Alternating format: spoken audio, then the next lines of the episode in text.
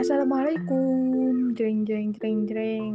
Kalian sudah tidak mendengarkan podcast aku selama satu tahun. Ya, lama banget sih. Kemarin kalian terakhir dengerin podcast aku itu tahun 2020, sekarang udah 2021. Kangen gak sih? Oke okay guys, semoga di tahun ini lebih banyak lagi manfaat hidup dan kebarokahan hidup. Amin. Oke, di sini aku ngambil tema podcastku tentang waktu.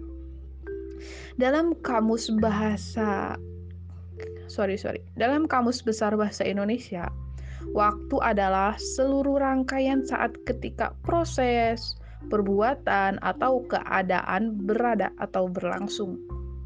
Di sini aku mau mencoba memahami tentang waktu adalah perbuatan dan keadaan. Sedikit mau cerita, guys.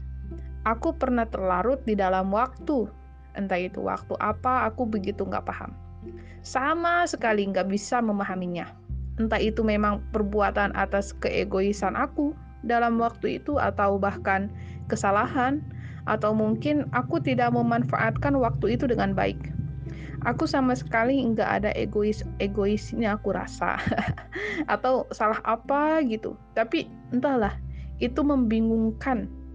Aku yakin kalian juga pasti bingung dengerin aku ngomong apa saat ini.